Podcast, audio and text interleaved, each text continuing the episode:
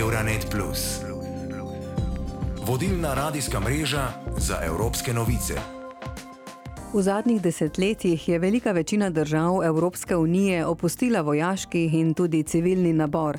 Temu je botrovalo dejstvo, da je storitev veljala za zastarelo, saj je od konca hladne vojne in od spopadov na Zahodnem Balkanu minilo skoraj pol stoletja. Tudi strošek financiranja takšnega načina služenja vojaščine je za državo visok. V Sloveniji je bilo obvezno služenje vojaškega roka zamrznjeno leta 2003 po uveljavitvi zakona o spremembah in dopolnitvah zakona o vojaški dolžnosti. Kaj pravzaprav to pomeni, sem vprašala vodjo oddelka za pridobivanje kadra na direktoratu za obramne zadeve Ingrid Kmetec. Uh, najlepša hvala za povabilo, za besedo. Slovenija ima na podlagi tega zakona še vedno možnost uvajanja vseh sestavin vojaške dožnosti, kajti obramba države je postavi dožnost državljanov Republike Slovenije in je ohranjena ne glede na spremembo načina popolnjevanja, ko smo iz naborniške prešli v poklicno vojsko. E, to pomeni, da lahko na podlagi predloga vlade Republike Slovenije odločitev o ponovni uvedbi izvajanja zdravniških pregledov, eh, drugih pregledov ter psiholoških preiskav nabora, napotitve na služenje vojaškega roka ali na upravljanje nadomestne civilne službe in obveznega služenja v rezervni sestavi, se pravi izvajanje vseh sestavin, sprejme državni zbor, se pravi na odloč podlagi odločitve vlade, uh mhm. -huh. to sprejme državni zbor Republike Slovenije. To bi se lahko zgodilo ob povečani nevarnosti napada na našo državo oziroma neposredno vojno nevarnost ali ob razglasitvi vojnega ali izrednega stanja v skladu z že prej navedenim zakonom o vojaški dožnosti. Ravno tako v tem zakonu uh, navajamo oziroma je opredeljeno, da bi v primeru ponovne uvedbe vojaške dožnosti vojaški rok trajal tri mesece.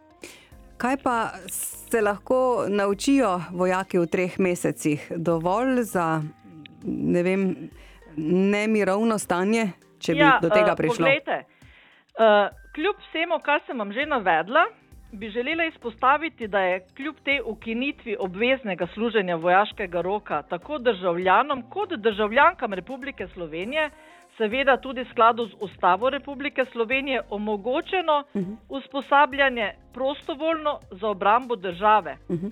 Ta temeljna izhodišča v zvezi z prostovoljnim služenjem vojaškega roka so bila prav tako ob tej spremembi zakona o vojaški dožnosti opredeljena.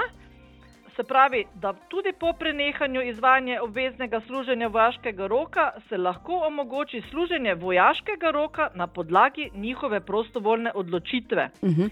In pri tem prostovoljnem služenju vojaškega roka gre za trimesečni program, s katerim lahko državljani od 18. pa do 30. leta starosti preizkusijo vojaško življenje eh, in s tem tudi na nek način svoje lastne psihofizične sposobnosti.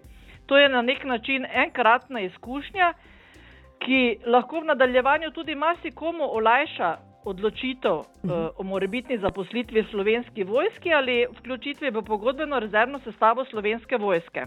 Uh -huh. Kdo pa je lahko v Sloveniji prostovoljni vojak? So vo, za vojakinje kakšni drugačni pogoji kot za vojake? Prostovoljni vojaški rok oziroma prostovoljno služenje vojaškega roka lahko upravlja vsak v starosti od 18. do 30. leta. Pomembno je, da ima državljanstvo Republike Slovenije, tu dvojno državljanstvo ni ovira, pomembno je le, da je eno od njih slovensko. Uh, pomembno je, da je zdravstveno sposoben, kar ugotavljamo na uh, zdravniških pregledih. Uh mhm. -huh. Potem jih kandidate varnostno preverimo, ne smejo biti pravnomočno obsojeni zaradi kaznjivih dejanj, ki se preganjajo po radni dožnosti. Uh, seveda, da še niso odslužili vojaškega roka, je eden od pogojev in da nimajo priznane pravice do govora vesti vojaški dožnosti. Ko ste uh, med drugim vprašali, kaj pomeni to za vojakinje, uh mhm. -huh. sem že navedla, da tako državljani kot državljanke lahko upravljajo prostovoljno služenje vojaškega roka. Za vojakinje veljajo enaki pogoji, uh mhm. -huh. razen pri preverjanju gibalnih sposobnosti, ki so pač prilagojene spolu in starosti, preverjanje pa ni zahtevno, vse je podobno šolskemu športnemu kartonu, ki ga kandidati poznajo že iz šolanja. Uh -huh. Um, no, naša družba se stara, ne? najbrž tudi vojska. Kako generacijo z, torej mlade, pritegniti k prostovoljnemu služenju vojaškega roka? Ja, to je, eh, moram reči, zelo zanimivo vprašanje, s katerim se tako v naši družbi, kot tudi na Ministrstvu za obrambo ukvarjamo že dalj časa. Uh, veliko govorimo o mlajših generacijah, tako imenovani X, Y, sedaj tudi o Z generaciji. To so generacije, ki živijo v času tehnologije, s pametnimi telefoni, s tablicami. Uh, pri učenju uporabljajo tehnologijo in svetovni splet. Za te generacije je značilna slaba koncentracija, kar so v prenekaterih raziskavah že ugotovili. Uh, in v povprečju je njihova koncentracija dolga le 8 sekund, mogoče je to za nekoga res uh, zanimiv mm -hmm. ali pa celo šokanten podatek. Zato je uh, za njih učinkovito najbolj komuniciranje po spletnih kanalih, predvsem Instagram in Snapchat, ki je tem mladim uh, najbolj blizu. Mm -hmm. Uh, da pa se lahko pohvalimo, pa je tako prostovoljno služenje, kot smo že omenili, kot vse ostale oblike usposabljanja oziroma vključevanja v slovensko vojsko, v naši bogati zbirki eh, predstavljeno v foto in video gradivih na spletnih mestih, tudi v teh eh, spletnih kanalih Instagram, Snapchat, tudi na Facebooku, YouTubu, TikToku, tako da mladi lahko do nas pridajo na več načinov. To že najdejo vas, ampak kako jih pritegniti? Kaj mislite, da je tisto, s čim jih lahko pritegnete, da bi se pa odločili tudi mladi, ja, bom za tri mesece tudi ja, jaz ja. prostovoljni vojak? Ja, če se osredotočamo pred, predvsem, kako jih pritegniti, uh mhm. -huh. moram povedati, da ogromno pozornosti, predvsem v zadnjih letih, namenjamo promociji vojaškega poklica in seveda tudi vseh drugih oblik vključevanja v slovensko vojsko. Mhm. To seveda ni samo prostovoljno služenje vojaškega roka ali pa zaposlitev v slovenski vojski. Mladi se nam lahko priključijo že kot dijaki na taborih za mlade. E, imamo že kar uveljavljen tabor Mors in mladi, e, zimski in letni, ravno kar se je končal dva zimska tabora v času počitnic zimskih, organiziramo tudi poletnega potem organiziramo vojaški tabor za polnoletne dijake in študente v mesecu juniju. Zelo promoviramo možnosti štipendiranja. Uh mhm. -huh. Naše štipendije so ne na zadnje za kasnejšo zaposlitev tudi ene največjih v državi. Prav tako imajo dijaki in tudi študentje možnost upravljanja prakse v enotah slovenske vojske, v kratkem pa bodo imeli možnost upravljanja prakse tudi v drugih organizacijskih enotah Ministrstva za obrambo, kjer se bodo lahko uh, seznanili z delom v obrambnih strukturah. Promocijo izvajamo na seznanitvah z vojaško dožnostjo. To je ena izmed oblik, ki nam je zakonsko zapovedana, kar pomeni, da vse državljane Republike Slovenije, moške seveda, V 18. letu, ko dopolnijo v tistem koledarskem letu, seznanimo, da kljub opustitvi obveznega služenja jih še vedno vodimo v vojaški evidenci. In to ravno zaradi tega, kar sem povedala na začetku, za primer ponovne uvedbe vojaške dožnosti. Uh -huh. uh, nadalje, ogromno promocije izvajamo na različnih kariernih sejmih, v srednjih šolah. S predstavitvijo vojaškega poklica in možnosti vključevanja v slovensko vojsko se prav tako želimo aktivno vključevati v izvedbo obveznih izbirnih vsebin v srednjih šolah. Uh mhm. -huh. Skratka, ogromno imamo enih možnosti za mlade, da se jim približamo mi njim in oni nam, da mhm. nas najdejo. Še posebej uh, bi želela tu omeniti, da smo zelo ponosni na našo promocijsko spletno stran. In sicer je to spletna stran postanivojak.com kjer mladi in manj mladi lahko najdejo vse informacije o možnostih, ki jih ponuja slovenska vojska. In možnosti je veliko, kot smo lahko slišali v intervjuju z vodjo oddelka za pridobivanje kadra na direktoratu za obramne zadeve Ingrid Kmetec. Mlade v slovensko vojsko morda pritegnajo tabori za mlade, štipendiranje, morda zaposlitev in tudi možnost vključitve v pogodbeno rezervno sestavo slovenske vojske. Ingrid Kmetec še pravi, da bi morebitno ponovno uvedbo obveznega služenja vojaškega roka bilo treba upravnavati celostno, ob upoštevanju sedanjih varnostnih, gospodarskih, finančnih in socialnih razmer, prav tako bi moral biti o tem dosežen širši družbeni konsens. Priključitev Krima leta 2014 pa je spodbudil nekatere države članice, da so služenje vojaškega roka ponovno uvedle. Litva že naslednje leto, torej leta 2015, Švedska leta 2018. Leta 2019 je Francija uvedla nacionalno storitev. Vojna v Ukrajini je z lanskim letom še dodatno povečala pritisk na ponovno uvedbo vojaškega roka v Latviji, povečala se je tudi vojaška poraba. Brez dvoma veliko držav Evropske unije razmišlja o obnovi neke oblike služenja vojaškega roka.